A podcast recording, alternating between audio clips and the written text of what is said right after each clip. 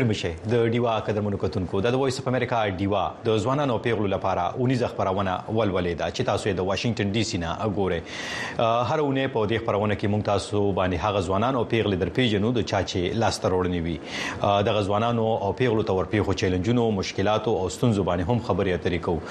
او دغه مشکلاتو ستونزو او مسلو ته بیا د حکومتونو غیر دولتي ادارو فعالانو او عام خلکو لخوا چې کوم ځوابونه ویل کیږي نو هم د دې خبرونه برخه وي نن به هم داسې وي. نن په دې خبرونه کې مونږه خبرې اترې کوو. د عمر فاروق خان سره. عمر فاروق خان د امریکا میساچوسټ ریاست په باستون ښار کې د تیری سمودي راسي د جون کوي او په اف 1 ویزا باندې امریکا ته راغلی دی. اف 1 ویزا د طالب علم ویزا چې د نړۍ د ګډ ګډ نه خلک امریکا ته په دغه ویزا باندې زده کړو لپاره راځي. عمر فاروق نه بعد دغه ویزې په طریقې کار یا پروسس یا پروسې باندې هم تاسو کو او دلته په امریکا کې اوس چې کوم زده کړې کوي نو هغه به هم راته وایي او دغه شانتي خپل تجربو پرانا کې به تاسو سره خبرې اترې کوي. نو غواړو چې دا خبرونه د نورو طالب علمانو هم په ګټه باندې پریوزي د عمر فاروق ته د تلو نړوان دي غواړو چې اول په خبرونه کې د مواخلو د مینا پس راشونو خبرونه پړوان دي بوزو. ټول را سره مل پاتې شي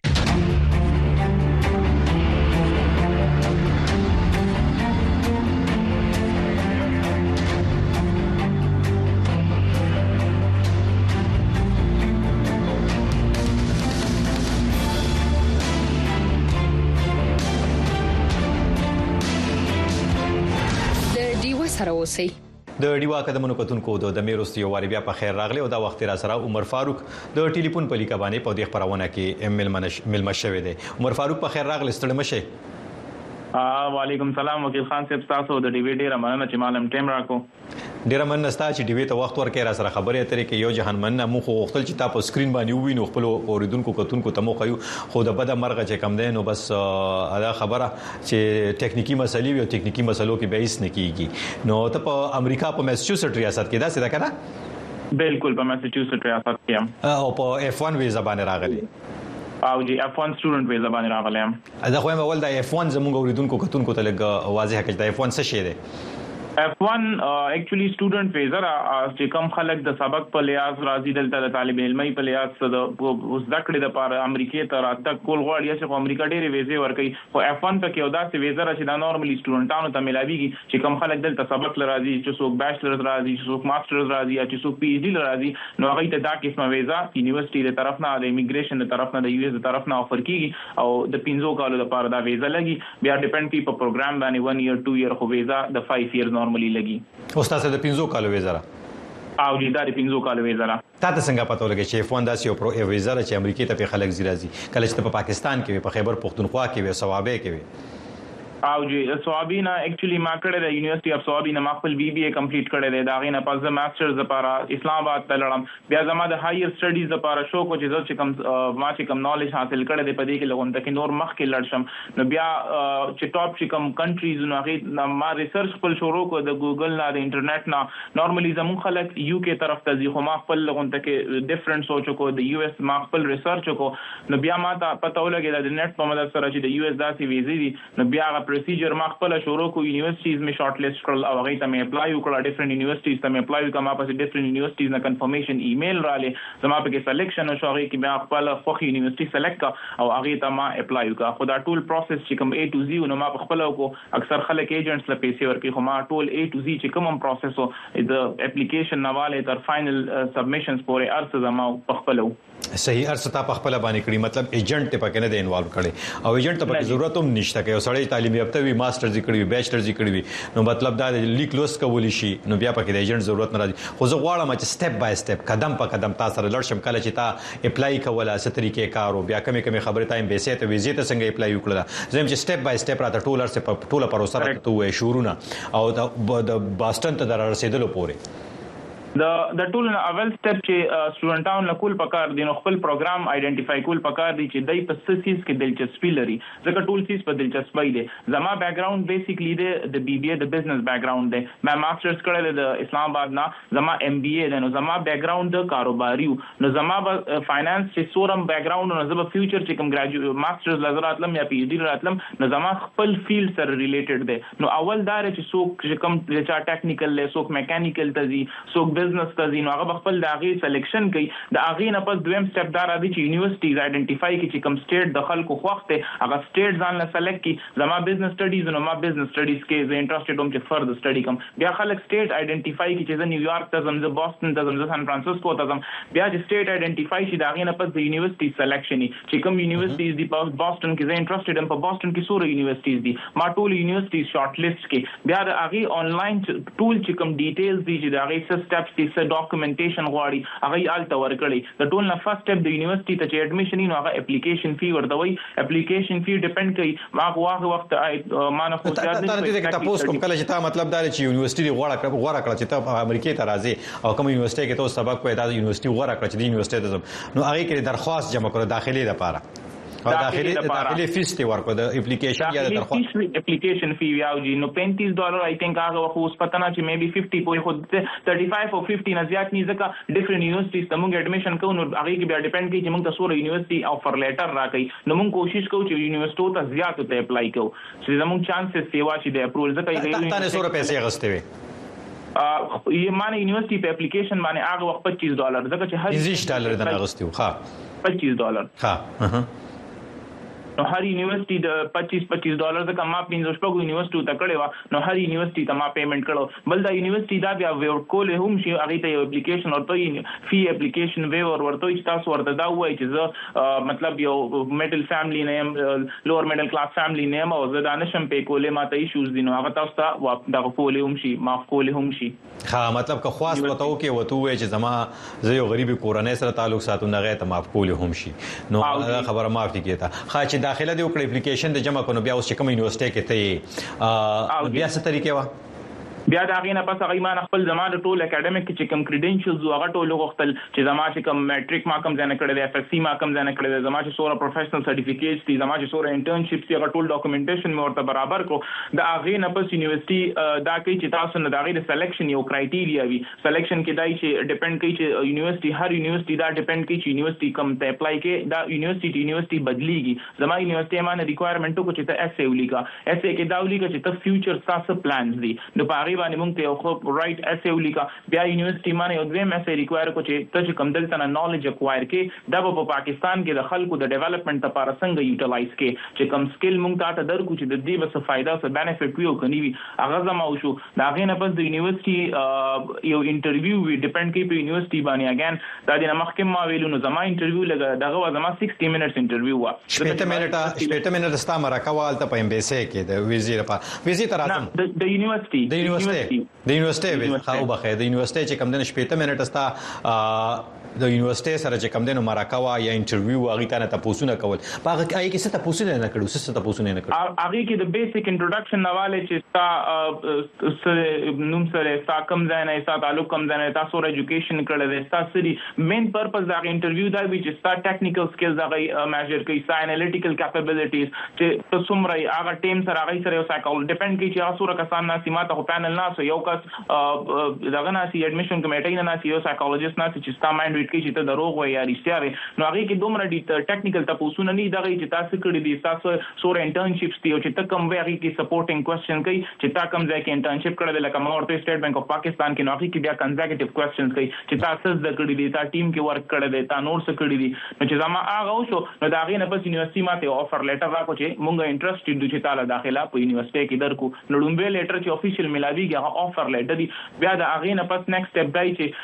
فی هغه غواړي. د سیټ ریزرویشن لپاره فیس غواړي. نو زمانه هغه 2500 ډالر هغه 2500 ډالر سیټ ریزرویشن هغه د ټیوشن چې سور تاسو ټیوشن نه دا هغه یو خاص حصہ غواړي چې سیټ کنفرمیشن لپاره وي چې تاسو بعد مې هغه واپس نشي لکه خپل ډیسیژن واپس نه کین نو هغه دای کنفرمیشن لپاره. نو 2500 ډالر ما بیا یونیورسيټي ته پې کړل. نو بیا هغه مال یو بل لیټر راکو هغه ته مونږ I20 وو. د I20 او د immigration یو official letter د هغه په basis باندې مونږ ویزه ته apply کوو په offer letter باندې مونږ apply نشو کولای لومبه offer letter ورکړي یونیورسيټي خو چې کله بیا ته seat confirmation لپاره یونیورسيټي ته payment وکي نو بیا ستاسو seat reserve شي مطلب یونیورسيټي interested چې تاسو یونیورسيټي کې سبق ویل شي هغه صرف د tuition یو لګي سي زیات نه هغه نه پس بیا ماته I20 ملاو شو بیا ماته یو هغه یو I20 DS160 یو لینک را forward کوي په دې باندې د ویزې لپاره په خپل apply وکا او ته enroll کېدې شي په دې documents باندې ها صحیح ډیر اسانه طریقه په وینا کوي او د لپاره آیلټس او یا دغه شان ټافل وتم پکار وی کنه ډیپند کوي په کس باندې. ځکه اکثر وایم که زه تاسو ته خپل وایم نو زمانه آیلټس ته نه جی ار ای ته نه جی میټس ته. ځکه چې زما پکې قضای نه دراغلي زه ډایرکټ د بي بي ان پس ما ډایرکټ کړی د ام بي ای د ام بي ان پس زما پروفیشنل ورک ایکسپیرینس زه داخل شوم نو ما سره ما ته ټیم نو ملو شو چې زه ټیسټ کوالیفای کوم نو بیا زما درې کاله یو ځای بل ځای بل ځای. نو ما د سلور کور ملټي نېشنل کارپوریشنز کې کار کړی چې سره کې سټیټ بانک بیسټ وي نو ما یونیورسيټي چې کله ما نه ریکوایرمنٹ کو نو ما یونیورسيټي خپل افیشلی وی چې زما دوره پروفیشنل ایکسپیرینسز دی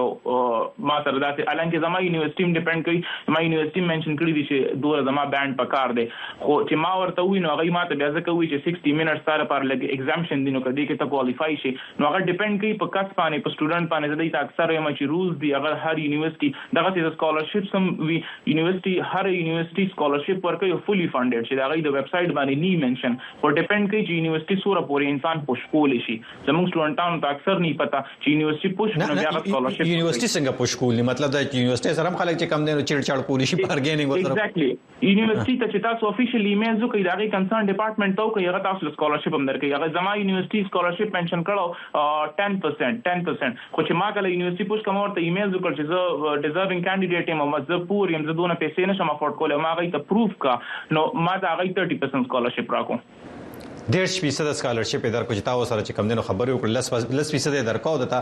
مطلب دا 100 روپے پتا لګي نو مطلب دا 150 روپے با پکې یونیورسيټي ورکې دا سره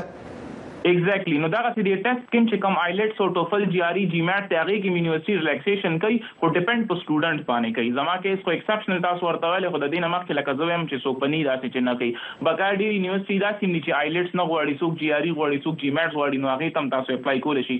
او بیا ډیپند کوي په سټیټ باندې زما بوسټن سټیټ ته نو نیویارک په دا تھرد نمبر سټیټ راځي او دا لغون ته ایکسپنسیو هم دی او بیا د فی حواله سره د یونیورسيټي فی دلته لغون ته ایکسپنسیو وی دنه مخکې ما خبره کړه زما first semester approximately زما 6 months شنو ما چې هغه بل رضی صاحب کو 24 25000 ډالر ما ولګول. خو هغه کې لیوینګ ایکسپنسز هم چوم د کې د یونیورسيټي مونږ پیسې ورکړه. پیسې چې کوم یونیورسيټي ورکوم زه انسټالمنټس کې ورکوم. ډیپند کوي یونیورسيټي تاسو سره دا کنسیشن هم کولی شي چې ته ډیزرvinګ نو ته یونیورسيټي ته فل فل پیمنټ هم کولی شي او کني انسټالمنټس کې ورته کولی پاکستانو کې پیسې ورکول شي او په انسټالمنټ کې. عمر فاروق خپل لفظونو کې یا خپل ټکو کې یا خپل تورو کې چې کوم د ځینې لفظونه د انګریزي کاروي او یا ځینې د اردو کاروي نو زه فکر کوم چې هغه طالب علمان چې سبق ویلی وینو هغه په دغه ټکو په دغه تورو باندې پوهیږي هم.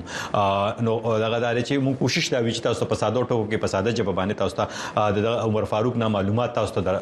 حواله کو چې تاسو ته هم نور طالب علمان هم ته ګټه واخلي. د F1 ویزا چې کوم د 15 کالو لپاره وستا پروګرام سمره سمره مودې لپاره ټول ټال زما 1 year د پاره expedite پروګرام دی. ها نو دا یو کال چې تیر شین نه پس بیا ته پاتې کېدی شي کنه خو زه اول دې تراتل غواړم. د ویزې چې تاسو مطلب university کې admission ملو شن بیا ویزا ته څنګه ملو شو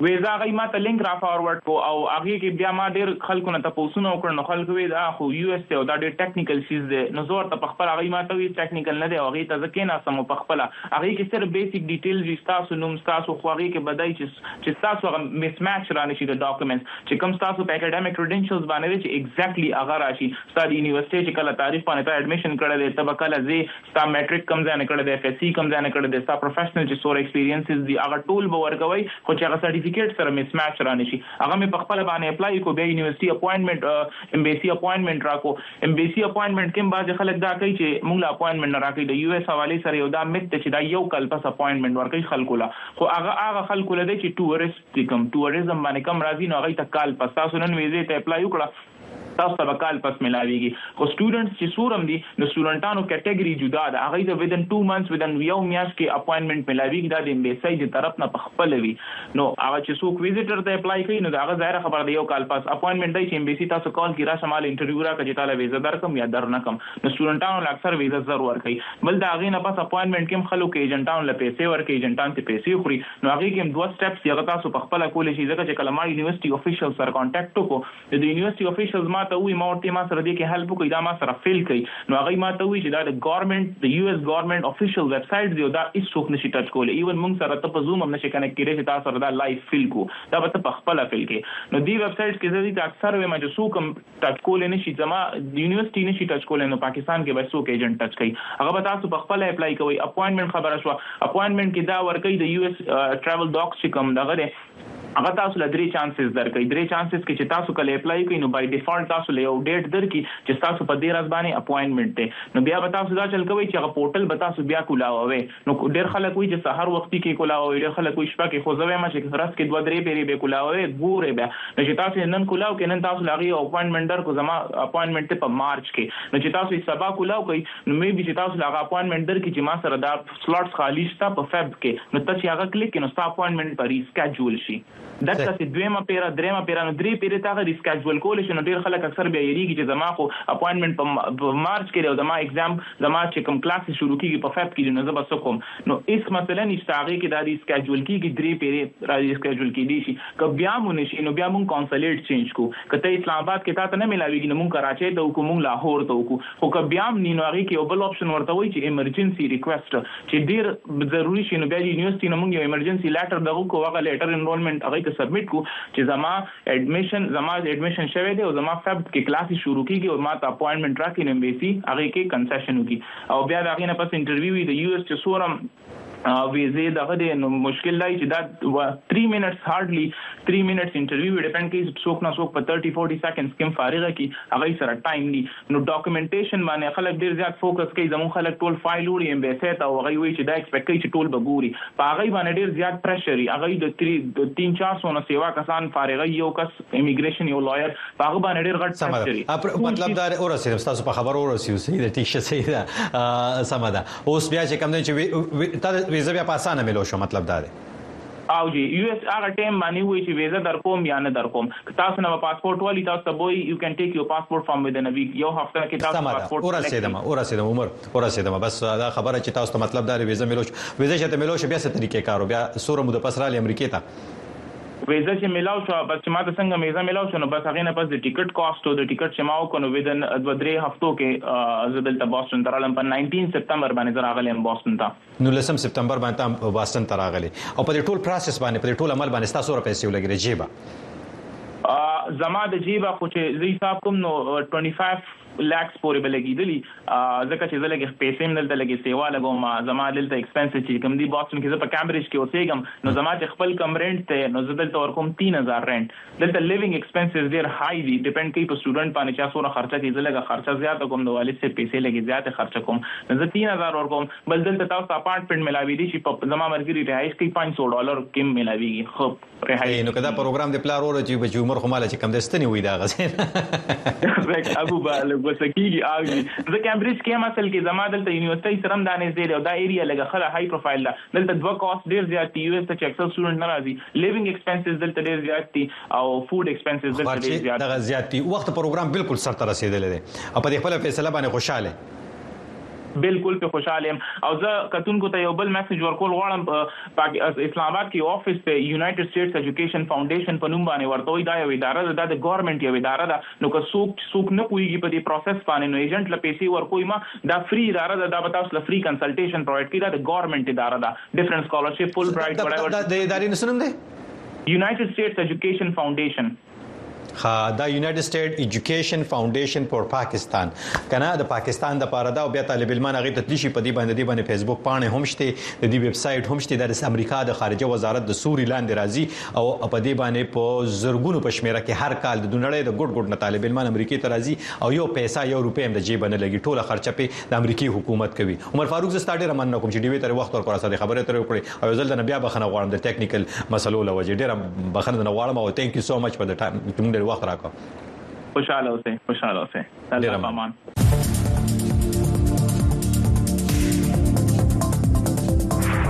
دیوا په سټلایټ ټي وي. هر ورځ سلیریش ساته په ډیش انټینا تاسو په یو ټل سټلایټ په ټلویزیون تولا او به طرفه خبرونه باسونه او چیرنې کتلې او اوریدل شي د یو ټل سټلایټ فریکوئنسي یا سپې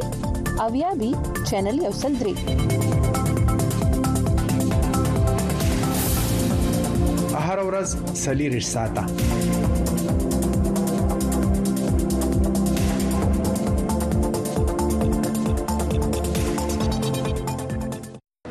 د ډیوا کډمونو کتونکو داوا د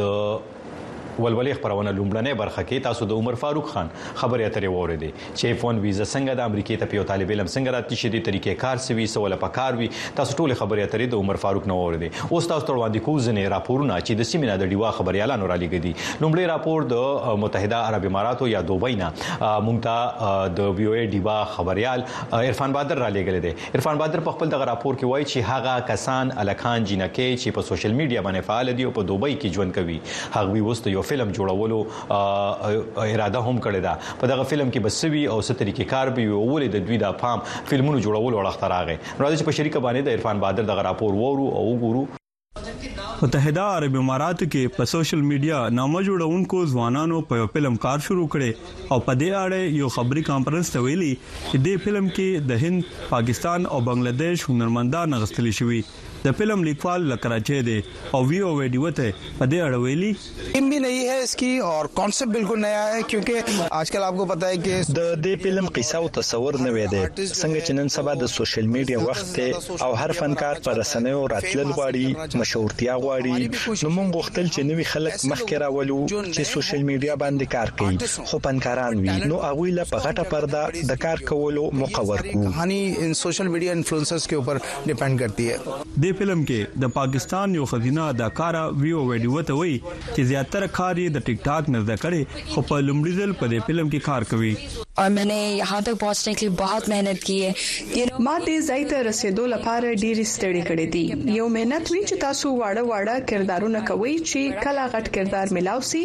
نو تاسو تیار یې۔ نو زما لپاره دا داسې موقع ده۔ د دې فلم producer یو پاکستانی انفلوئنسر دی او په خپل هم د فلم کې کار کوي. وی او ویډیو ته وای چې لومړی فلم یې دی او تر نړۍ رتمه ده چې د خلکو به خوښ شي. ظاهر ہے یہ ایک میرے لیے achievement کی بات ہے چھوٹی سکرین سے بڑی سکرین پہ آنا۔ ظاهر خبره ده چې زما د لپاره یو غټه کامیابی ده چې د ورکوټي screen نه غټ screen ته رسیدل ایم نو ډیر مهنت مې کړای ترڅو چې ستړی نشي نو معیاري کار مخې ته نشي راتللای د فلم موسیقي په اړه ویو ویډیو ته ویلي شوی چې د ایشیایي هیوادونو هنرمندانو جوړ کړي او د بیلابلو هیوادونو د سازونو نه جوړه ده हम म्यूजिक में देखें तो सारी कंट्रीज की जो बात है पाकिस्तान का जो کوم د موسیقي خبره وکړو نو د پاکستان صوفي موسیقي دا او د غشان د هند بنگلاديش او یو ای موسیقي بدله ده نو دې فلم کې د ټولو هیوادونو موسیقي رايو ذکر شوی دا د هند سره تعلق لرونکي یو انفلوئنسر جنې د فلم کې مرکزی کردار لوبولې او ویو ویډیو ته ویلي अभी तो मेरे लिए सारी चीजें नई हैं क्योंकि दुबई मेरे लिए नया है زما د پاره ټول سيزونه نوي دي ځکه چې دوبه زما د پاره نوي ده. او لاولنې فلم می ده دلته نو ډیر مهنت می کړې میرا first project ہے۔ په عربي اماراتو کې مشتا د ایشیای هیوادونو ډیرو ټیک ټاکرانو نامه جوړ کړي یا د social media د رسمي استعمال لپاره په یو ای کې جون کوي۔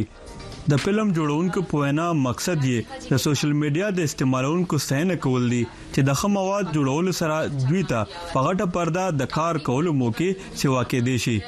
د دوی په وینا د social media د مشهورتیا نه مستقله پیدا غستل پکار دي نو ځکه دا ګام پورته کړي رپان بهادر وی او ویډیو یو ای د بدلون په وخت کې. کله چې نړۍ د غیر یقیني سره مخامخ کاری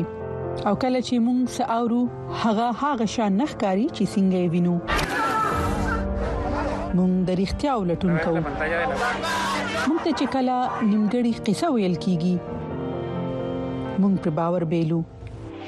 د کڑکېچ په شیبو کې زموږ خوبونه امیدونه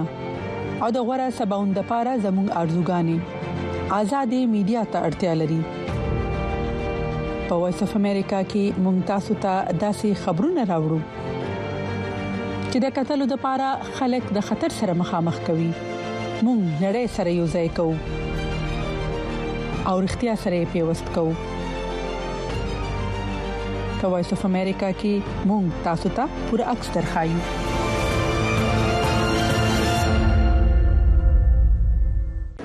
اوس یو بل راپور چې د سیمینا د ډیوا خبريال ریاض حسین را لېګل دي د فروری په اتمه نیټه باندې په پاکستان کې عام انتخابات دغه انتخاباتو نتیجې او اوس په پاکستان کې حکومت یا د حکومت جوړېدل یا چې کم دینو ائتلافي حکومت چې وته ویل کی جوړېدل دغه ائتلافي حکومت جوړېدل نړوان دي ځوانانو پیغلو بيوي ډیوا سره خبرې اترې کړې وي چې دوی ستمې دي. د دوی د پارسه کې کول پکار دي او سواله کېدل پکار دي. چې د ځوانانو پیغلو چې د دوی یو لوی شمیره د پاکستان په آبادی کې دا د دوی ژوندونه وسره خشي نو ستمې دي سو امیدونه دي د ځوانانو پیغلو د نوي حکومت نه د پاکستان د نوي حکومت نه. راځي چې په شریکه باندې د ډیوا د خبريال ریاض حسین د راپور وورو او وګورو ځوان په پاکستان کې کم ژوند تیری او د ځواني چې کم عمر دی چې کم ته مونږه د اتلسونه د شپږ دیرش کالو پورې کم age limit دی دغه خلکو چې کم بنیادی غوښتنه ده هغه د دوه سيزونه دي. یو تعلیم دی یو روزګار دی یو د ژوند تیرولو طریقې دي هغه ټول سيزونه کې په کار ده چې را روان حکومت خپل دغه نوجوانان چې په ملک 64% دغه اشاره ده دی په priorities وساتي. دیتا چې کم زموږ ملک اعلی تعلیم نه کړي universities education دی هغه ډیر زیات مهنګا دی. د government universities او د private چې څومره universities دي د غي د تعلیم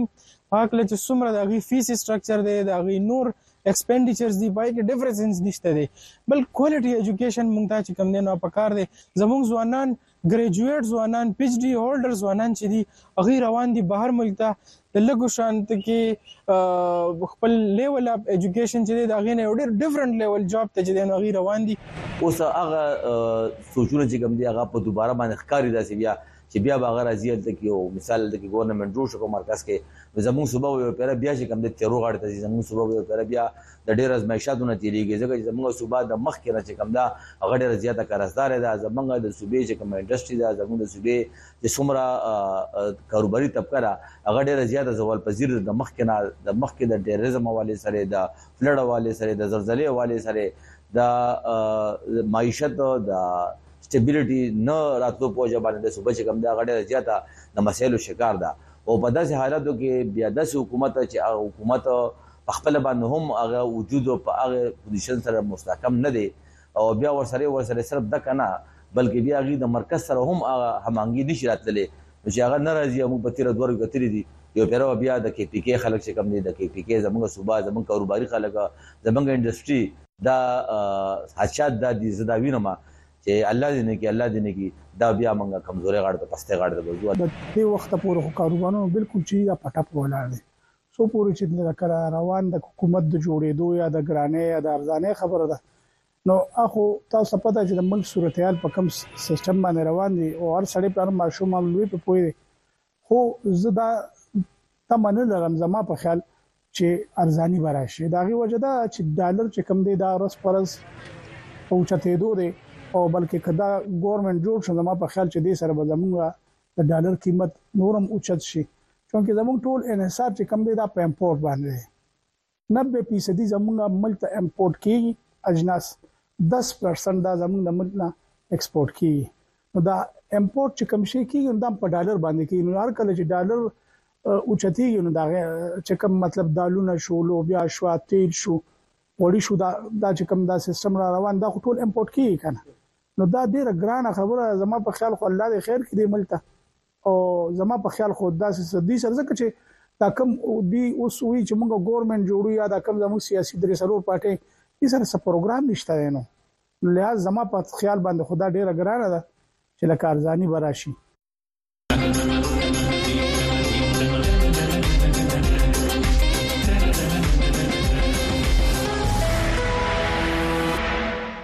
د ډیوا قدمونو کتونکو هم دا واده دیونه ولولې خبرونه چې تاسو د واشنگټن ډي سي نه کتله په لومړنۍ برخه کې تاسو د عمر فاروق خان خبرې اترې وریدي په دویمه برخه کې تاسو هغه راپورونه وریدل او کتل کم چې د سیمینه د ډیوا خبريالانو را لېګل دي. راتلونکي ونه بعد نور ملمنو ترڅنګ تاسو وړاندې راځو هم د دې سره د خبرونه وخت پای ته رسي. د دې خبرونه قرباز وکیل خان تاسو ناصر د خپل ټیکنیکل عملي اخلم اجازه چې چرته هم یې بریالي اوسه خوشاله اوسه د لوی لا پامان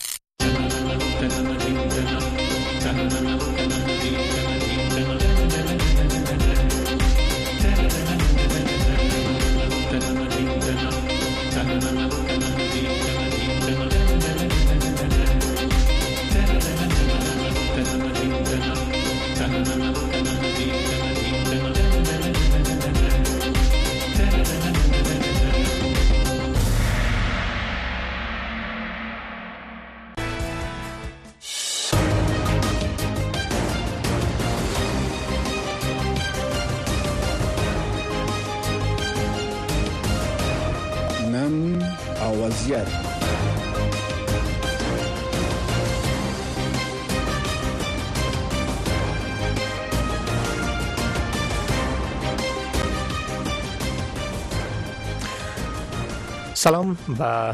شب بخیر بیننده ها و مخاطبین گرامی ما بر روی فیسبوک رادیو و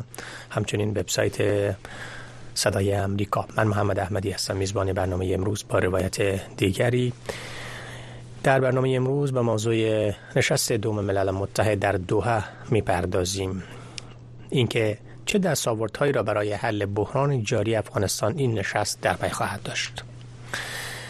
آیا نمایندگان خاص کشورها برای افغانستان روی مشارکت بین المللی منسجم و هماهنگ به توافق خواهند رسید یا خیر؟ با ناخرسندی که طالبان از این نشست داشتند چگونه این توافقات می تواند عملی گردد؟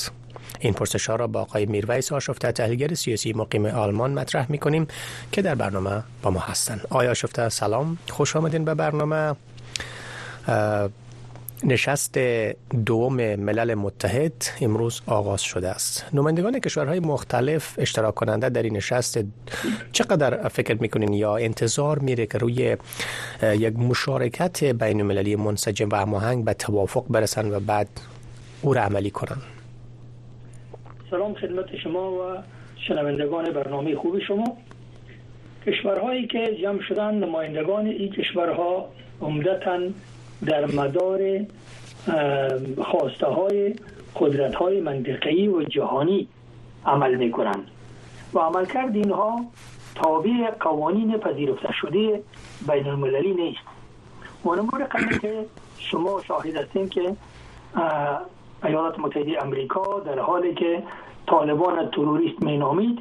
همراهشان به مذاکره پرداخت و بالاخره تا سطح رئیس جمهور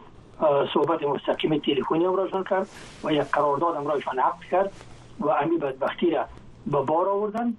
اینها اینمی زمینه را باز گذاشتن از اونمو برنامه اشتباه خود دفاع می‌کنن طالبان تجهیز می‌کنن تمویل می‌کنن پول میتن و اینا هستن که مشابق واقع شدن که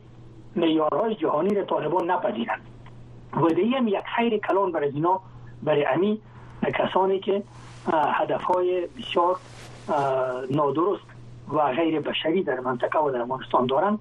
یک خیر کلان برشان میرسانه او خیری است که وقتی اگر طالبان معیارهای جهانی را یکی دو تا پنج تا هر چیز رو بپذیرن او زمان اینا پاسخگو دانسته میشن در حالی که اینها این مسائل بسیار عنوان می‌کنن بسیار تبلیغات برام دادن اما در عمل عقب نشینی می‌کنن و در پشت پرده معاملهگری انجام میدن تعامل های قانونمند نمی کنن معاملگری انجام میدن. از موارد تجارتی و قراردادهای فابریکاتی و استخراج معادن گرفتن تا به همه زمینه های دیپلماتیک که خوب می‌دانند که اینجا حاکمیت سرپرست به معیار یک دولت بالا نامده دولت ساخته نشده. هیچ یک از ارکان دولت نداره. حال به هر معیار شرعی یا دموکراتیک یا هر چیزی خواسته باشند اما اساسا دولت نشده و یک رکن حکم روایی که حکومت است و حکومت هم سرپرست است معلوم نیست تا چی زمان. امیری هم که نام می‌گذارن و امیر اول امیر فارغ از افغانستان بیرون از افغانستان یعنی فرا ملی می‌دانن امیر المومنین میگن امیر تمام مردان مسلمان جهان او هم لادرک و ناپیدا است. ما اینها هم کاری می‌کنن حال وقتی اونجا جمع شدن چی می‌کنن؟ در اونجا اینها به خاطر منافع خودشان در افغانستان و منطقه شاید بتونن به بعد توافقات نسبی برسن. مثل که مال یک مرده را کسی تقسیم می‌کنه میراث ترکه می‌کنه. اینها در گرفتن امتیازات غیر قانونمند در افغانستان ممکن است بعضی از قدرت ها به توافق نسبی در بعضی زمینه ها متوافق برسن. اما عامل اصلی که مردم افغانستان است و بحران بشری داخل کشور اینمی فراموش شده. بله آقای آشفته حالا در این نشست نمایندگان خاص کشورهای مختلف شرکت داره یعنی کشورهای منطقه و همسایه افغانستان کشورهایی که در واقع هیچ گونه اشتراک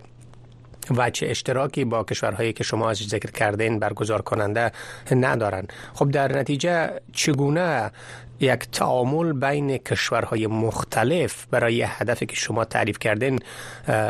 به وجود می آید یا که فکر می‌کنین اینها با وجود همین اختلاف ها دست به کار می‌زنن. ببینید بسیار من مثال های ساده بر شما میدم. بنیادگرایی پاکستان در نوردیده ایران در نوردیده مشکل جدی در تاجیکستان ترکمنستان ازبکستان به وجود آورده و حاکمیت های سیاسی اینمی دولت ها هم پیوسته در صدد می شما صدای من رو مشنم بله صدایتان است. یک نوع های اضافی پخش میشه. سر و صدا می‌کنن خب شما می‌تونین که از لاسپیکر بکشین گوشکی رو در پیش خودتان بگیرین. صدا چون وقتی در لاسپیکر میمونین صدا تکرار میشه بعض وقت. بعد و این کشورها چون مشکلات بنیادگرایی را در داخل کشور خودشان احساس می‌کنن بنان خود مکلف می‌دانند به معیارهای قدرت های جهانی که دوی او حضورا در منطقه یعنی روسیه و چین هست تا های با دولت آخوندی ایران و همچنان کشمکش های در پاکستان و هند دارن و رقابت خود میدان مسابقه افغانستان هستند. اینها این زمین ها را در نظر گرفته به معامله برخواستند با حاکمیت طالبانی. برای دیگه می‌فهمند طالبان آورده شدن در افغانستان طالبان تمویل میشن و در حالی که هیچ نوع قانون ندارن اما برشان این زمینه هنوز هم داده میشن. بنان اینها هم خود مکلف دانستن که وقتی میگه بر قدرت ها قدرت های بزرگ چونین می‌کنن پس ما من حیث کشورهای کوچکی که در این بحران ناگزیر هستیم به حیث همسایه قرار داریم چه باید بکنیم اینها هم دستنگر او دیگرها واقع شدن شما موجه های بسیار مزورانه روسیه را در این زمینه تعقیب می‌کنیم. موجه های غیر میاری چین در این زمینه به خاطر داریم. عملکردهای امریکا را که در پشت پرده به همه چیز به سود طالبان رقم می‌زنند انگلیس که اساسا از طریق پاکستان در قضایا مداخله می‌کنه این موارد است که بحران کشور ما رو یک رنگ دیگه برش داده یک شکل دیگه برش داده و در ظاهر امر هم اسلام مبارک اسلام مقدس که مردم به اون باور دارن ایمان دارن این را روپوش ساختن روی کش ساختن و از آدرس خدا و از آدرس اسلام و از آدرس قرآن چیز زشتی نیست. این میارهای ضد بشری نیست که این حاکمیت تطبیق نمی کند حتی تمامی دختران جامعه ما را از تعلیم باز داشتن زنان را از کار و تحصیل باز داشتن و این جهان می‌بینه اما یک معیار مثبتی که واقعا بر اینها فشار دانسته شود نه تبلیغات. درست. خب آقای آشفته این انتقادات و عملکرد کشورهای جهان ملل متحد را شما در عملکردشان در قبال طالبا دارین. خب افغانستان تجربه اداره حکومت را توسط خود مردم افغانستان هم داشتند تا بیش از 20 سال گذشته پیش از حاکمیت مجدد طالبا گروه های مختلف سیاسی قومی در افغانستان حاکم بودند. کسانی که در خارج از افغانستان تحصیلات داشتند کسانی که در داخل افغانستان در قالب نیروهای مجاهدین بودند. همه اینها به قدرت رسیده بودند. اما چطور شد که با سرازیر شدن سرمایه ها و بودجه بزرگی که جامعه جهانی همین کشورهای که شما انتقاد می‌کنین در اونجا کمک کردن. اما به نتیجه ملموس و درستی و ثباتی نرسید. پس فکر می‌کنین که زمینه وجود داره که جامعه جهانی باز هم اعتماد بکنه به خود افغان ها به همین سیاسیونی که در گذشته بودن؟ دیدین فرمودی شما بجا در ظاهر امر. در ظاهر امر گویا افغان های تحصیل کرده و تکنوکرات آمدن حاکم سیاسی جامعه مسلم ولی در اصل مسئله دیدیم از کنفرانس بن وقتی دایر شد در کنفرانس بن آگاهانه حزب اسلامی حکمتیار و طالبان را بیرون گذاشتن که جنگ مبادا که فروکش کنه. خدا نخواسته جنگ فروکش نکنه. و جنگ همیشه دو طرف ضرورت داره یک طرف دیگر نگاه کردن. بعد در حاکمیت سیاسی افغانستان مهره های سوختره که سوابق بسیار تاریک و تار داشتن و حتی در کشتار ده ها هزار نفری تنها شهر کابل چقدر سهم داشتن؟ دیگه در سالهای گویا مبارزه بر ضد شوروی وقت که اونجا هم جنگ های ذات البینی از اینها عالم از جوان های کشور قتل و قتال کرده بود اینها را آوردن و در رأسش خب مثلا ظاهر امر یک تکنوکرات اما شما به نیکویی می‌فهمید که آقای کرده از پشت یک متسلکین یک طالب از ارزگان آورده به حاکمیت دادن و اینکه خب آقای عبدالله از جمعیت ده ها پارچه شده و هیچ این مسئولیت را به حیث پاچهای دوم در افغانستان حاکمیت می‌کرد. تا بالاخره نوبت به آقای دکتر غنی رسید و این کشمکش همچنان باقی ماند. اینها به مسابقه ماریونت به مسابقه پاپت به حیث گوتکای سترنج اینها استفاده شدند و بر ضد منافع افغانستان. چنان چور و فساد کردند که هیچ کسی در هیچ دوره تاریخی همه پولی که در افغانستان ریختانده شد اما یک طبقه عجیب و غریب ستمگر متمول میلیون و میلیارد دلاری به وجود آمد و فقیر فقیرتر شد. خب لحاظ اون زمان هم. بله. که مردم حاکم شده باشه بله. این کسا امینا انتخاب کردن امینا توافق ولی کردن ولی یک ولی یک نکته دیگر هم در اینجا واضح هست که همین افرادی که شما ازش نام گرفتین اینها خود را نمایندگان اقوام و ملیت های مختلف در افغانستان می دانستند از مناطق شمال افغانستان گرفته تا جنوب شرق و غرب همه اینها پایگاه مردمی داشتند. چه بسا که در انتخاباتی که طی دو دهه گذشته برگزار شد طرفداران خود را داشتن میلیونی رأی می‌دادن و انتخاب می‌کردن باز همینا را. اگرچه که شما به مسائل فساد و سوی مدیریتی که اونا داشتن تا گذشته 20 سال گذشته اشاره کردن اینها هم مسائلی بود که انتقادات وجود داره. اما به هر صورتش اینها همه کسانی بودند که از خود افغانستان بودند یعنی بیگانه نبودند. پس چطور شد که 20 سال نتونستن به دستاورد برسن؟ شما هنوز هم باز هم کشورهای خارجی را دخیل می‌دانین در این کوتاهی؟ مقصر اصلی گرداننده های داخلی سیاست از در افغانستان در ظاهر امر ولی در پشت پرده اینمی مهره ها اینمی مهره های سرخته می‌بینیم طالب یک شبه به قدرت نرسیده. آقای کرزی که از پشت متسلسل طالب از اورزگان به حاکمیت رسیده بود و زودی زمان 2003 ملاحظه کرد که طالب از این میره آمد و اصطلاح برادران ناراضی را اختراع کرد و تا به پایان در این روزهای اخیر شما مصاحبه های از مقامات مسئول طالبان را داریم که میگه همه اینها با ما بیعت کردن. همه با همکاری کردن و ما امضای از اینها را داریم. به هر حال اینها از امون زمان این کار کردن که مبادا طالب کاملا سقوط نکنه و این برنامه برشان داده می‌شد برای که برای دو طرف جنگ تجهیزات و پول به کار بود. و یک روز جنگ افغانستان بیش از چند میلیون دلار مصرف داشت. این که میپرداخت؟ این قدرت هایی که من میگم من با استناد خدمت شما مطرح می‌کنم. اینها این پول می‌دادن و این جنگ همچنان نگاه داشتن. تا به اینکه چون فساد بیش از حد او حاکمیت او را به حساب زمینگیر کرد. اینا هم دست حمایت دکتر امریکا و ناتو از پشت و گذاشت که طالب به قدرت برسه. حالی هم طالب در ظاهر اول اینها ملامت می‌کنند اما از وسایلی که به نام دفاع از حقوق بشر دانسته میشه اینها فقط استفاده تبلیغاتی می‌کنند. هرگاه کمک های بشری اون رقمی که خب آقای بایدن گفت که ما از وقتی دینا حاکم شدن تا دو اشاریه پنج میلیارد دلار دادیم. ارقام بعدی که روشن شد که بیش از 11 میلیارد دلار میگن ما دادیم. هرگاه در اینجا یه از 50 فیصدش هم به مردم افغانستان می‌رسید. ما در این سطح زیر خط فقر خب یک پرسه برز معذرت چون فرصت هست کم است و چند به موضوع دیگر می‌خوایم بهش اشاره بکنیم. به نظر شما دلیل اینکه طالبان تاکید داشتن که در دیدار با منشی عمومی ملل متحد دیدار داشته باشند در این نشست و ملل متحد ایره رد کرده است. فکر می‌کنن طالبان چرا اینقدر اصرار داشتن بر این موضع خود؟ چی را دنبال می‌کردن؟ ما در افغانستان سابقه کارکرد آقای محمود مصری نانسیبان ابراهیم ابراهیمی. و اینها را داشتیم.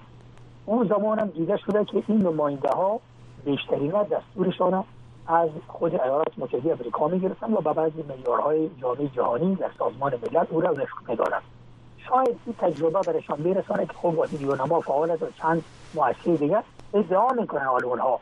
هرگاه اونها ریگ در کفش را داشتن از چی حراس دارن؟ خود نماینده سازمان ملل متحد. اما ترسشان نیست که تمام کشورهای دیگه از طریق این نماینده می‌تونن به توافق برسن و ابتکار عمل از دست اینمی گروه طالبا بیرون بکشن. به این خاطر از دیدن اینا موافقت نمی‌کنن. برای اینکه اون نماینده ها هم چه کارهایی می‌کردن مثل که امی حال گزارشاتی که آقای سنلی اغلو مطرح می‌کنه و امی فیصله قبلی مجمع سازمان ملل متحد 27 یا 27 از هم امی نشان میده که اینها چقدر در این مسئله متاسفانه غیر دقیق عمل می‌کنن بنان همینطوری که مردم ناراضی هستن طالبان هم فکر می‌کنه خوب ابتکار عمل دستیارمون میبراید چنانه که نبود اشتراک از اینا عدم حضور از اینا در این اجلاس. من فکر می‌کنم این بار بسودشان نیست. این همه کلشفی ها و همه چیز نپذیرفتن و یک سر امتیاز به جانب خود کمایی کردن. این بار شاید دکتر نباشد. ممکن است بعض میارها طوری در این جلسه که روز گذشت و فردا در جریان است. ممکن است طوری وضع شود که بسود اینها نباشد. بله. و بالاخره آقای آشفته ب... کلامتان قطع می‌کنم. به نظرتان آیا انتظار میره که ملل متحد نماینده ویژه‌ای را که برای افغانستان بحثش بود و قبلا متذکر شده بود این بار در این نشست معرفی بکنم و این نماینده به نظرتان چه کسی خواهد بودن یا خود آقای سرنلی اغلو دوباره نماینده خواهد بود یا فکر می‌کنن کسی دیگه خواهد بود؟ مشکل است که این مورد ما بتونم واضح نظر قاطع و روشن بکنم. به هر حال اگر که قدرت هایی که در افغانستان به گونی قاتلانه با هم رقابت می‌کنند یعنی چین روسیه امریکا ایران هند و پاکستان سفر مثل که رهبریش به اختیار انگلیس ها هستند اینجا اگر اینا به توافق برسن او زمان طالب خواسته باشه یعنی اینا یک نماینده رسمی می‌کنن. این آقای سرنی اغلو باشد هم این آقای اغلو منافع افغانستان به اون گونه که مشکل بحران جدی حقوق بشر در افغانستان دیده او رقم انعکاس نداده من من حیث یک شهروند عادی با این دیدگاه موافق نیستم. و میگه سالی که نکوس از بهارش پیداست هرگاه به این منوال اینا پیش برن مثل که ما تکرار مکررات تجربه خواهد کردیم و عاملی که فراموش شده و واقعا مد نظر گرفته نمیشه این این ملت تباه شده افغانستان است که امروز به اقوامی تجزیه کردن حتی با نام کشور با همه علائم و سمبول هایی که در کشور بوده و با تاریخ کشور این حدود 50 سال میشه که نماینده ها را دیگرها انتخاب می‌کنن دیگرها به قدرت میرن دیگرها حمایه می‌کنن و راه اصلیش مردم گم شدن و واقعا یک بدیل قانونمندی که بالقوه یا بالفعل برابر طالب همین لحظه وجود داشته باشد نیست اما دیگه ضرورت مادر ایجاد است. هر اینا بهشی و پیش برن و برای مردم قرار بگیرن. این مردم بالاخره من فکر می‌کنم که راهی برای اینکه در مقابل اینا قرار بگیرن برای خود پیدا خواهد این نماینده جدید ملل متحد حالا خب مورد قبول طالبا نیست احیانا اگر معرفی میشه چطور می‌تونه کار بکنه با طالبا و در واقع پرسش دیگه است که اصلا صلاحیت کاری این نماینده با رئیس یونما که در کابل هست چه تفاوت هایی خواهد داشت؟ شما خود شاهد هستید که یونما جز این که یک کلسر آمار و اجوانه ها را او هم بسیار پسانتر نشد می‌کنه در زمینی جلوگیری از بحرانی که بسیار به گونی تازنده و چارنل پیش میره کار موثری انجام نداره. لحاظا خوب اینها ارگان های یک مرجع جهانی هستن با هم می‌تونن کنار برن. اما میمانه بحثی که با گروه طالبا چطور اینا کنار برن. طالبا زمانی که هیچ قانونی را در سطح ملی و بین المللی نپذیرن. هیچ گونه معیار را قبول نکنن. مشکل است که با اینا کسی کار کرده بتونه و جامعه جهانی در راه در رابطه به طالب ها ایالات متحده امریکا و هم پیمانایش اگر فشارهای عملی بالای طالبا اعمال کنن طالب حاضر به تمکین هست. اینها که مسائل سناتورها رو مطرح می‌کنن یا گاهی آقای خلیلزاد مثلا زیر سوال می‌برن اما کمک های پولی میتن کمک های استخباراتی میتن. ده ها هزار جاسوسی که 20 سال تربیت کردن از او به سود طالبا استفاده می‌کنن. لحاظا با تبلیغات کاری نمیشه. و من فکر می‌کنم که راه حل این که طالب قسما مهار شود یه عملکردهای بسیار ناشیانه و خودسر او و خصوصا این بحثی که هیچ کشوری در جهان وجود نداره که زنان یک قلم حق کرده باشد تمام فعالیت های اقتصادی اجتماعی و دخترها را در خانه شونده باشد. هیچ معیاری هم نه شریعت نه دین هیچ چیزی برش اجازه نمیده. اما هنوز پشت سر می استادن و همین طالب با پول حمایه می‌کنن متاسف بله. آقای آشفته آیا در این نشست دوها احتمال این وجود داره که حمایت از جناهای مخالف طالبان که در خارج هستن هم مطرح شوه یا تصمیم حداقل در مورد به نوع سهیم ساختن از اونا در تصمیم گیری ها و یا در ساختار قدرتی که در افغانستان هم مطرح شوه؟ اصلا چقدر جامعه جهانی به سهمگیری این سیاست مدارانی که به صلاح تجربه خود را با آزمون گذاشتند و رهبران سنتی افغانستان برای حل بحران سیاسی افغانستان اصلا باور دارند تشکلات سیاسی که به مساوی رقیب و الترنتیو در برابر طالب عمل بکنند متاسفانه در جانی ما وجود آمدند همین گروپ های هم که نام برده میشه اینها یک نوع پیوند بسیار جدی و روشن با اونمو مهره های سوخته و آزمون شده ها دارند و بعد حتی در عموم معیار منفی هم که نظر بکنیم یا نتوانستن مثلا یک جنرال معین در بحث های کسانی که مبارزات مسلحانه است معرفی بکنن و کسانی که در مبارزات فرهنگی مدنی می‌خواین کار بکنن اینها یک اعتماد رو به وجود داشته باشن یک نماینده مثلا تا معرفی بکنن که کی گویا سخنگوی ما است. من فکر می‌کنم که هنوز به زمان بیشتر نیاز است که در افغانستان یک اپوزیسیون قانونمند که بتانه از مردم نمایندگی بکنه از این اکثریت خاموش نمایندگی بکنه و دستش در اینمی بحران و قتل و قتال و چور و چپاول بیش چهار دهه اخیر دخیل نبوده باشد. الان هنوز اندک زمانی برش به کار است و بناهن زیاد خوشبین نیست. مثلا نماینده که میرن مثلا اگر که خوب خوب نیست من نام بگیرم. مثلا بعضی از خانم هایی که قبلا در رژیم قبلی امتحان خود به چندین باره دادن وکیل بودن و اینها و چه کارهایی نبوده که نکردن حتی از خانم ها ما می‌بینیم که نمی‌تونیم از موضوع دفاع بکنیم. و بعضی از آقایانی که در دست داشتن. بله زمان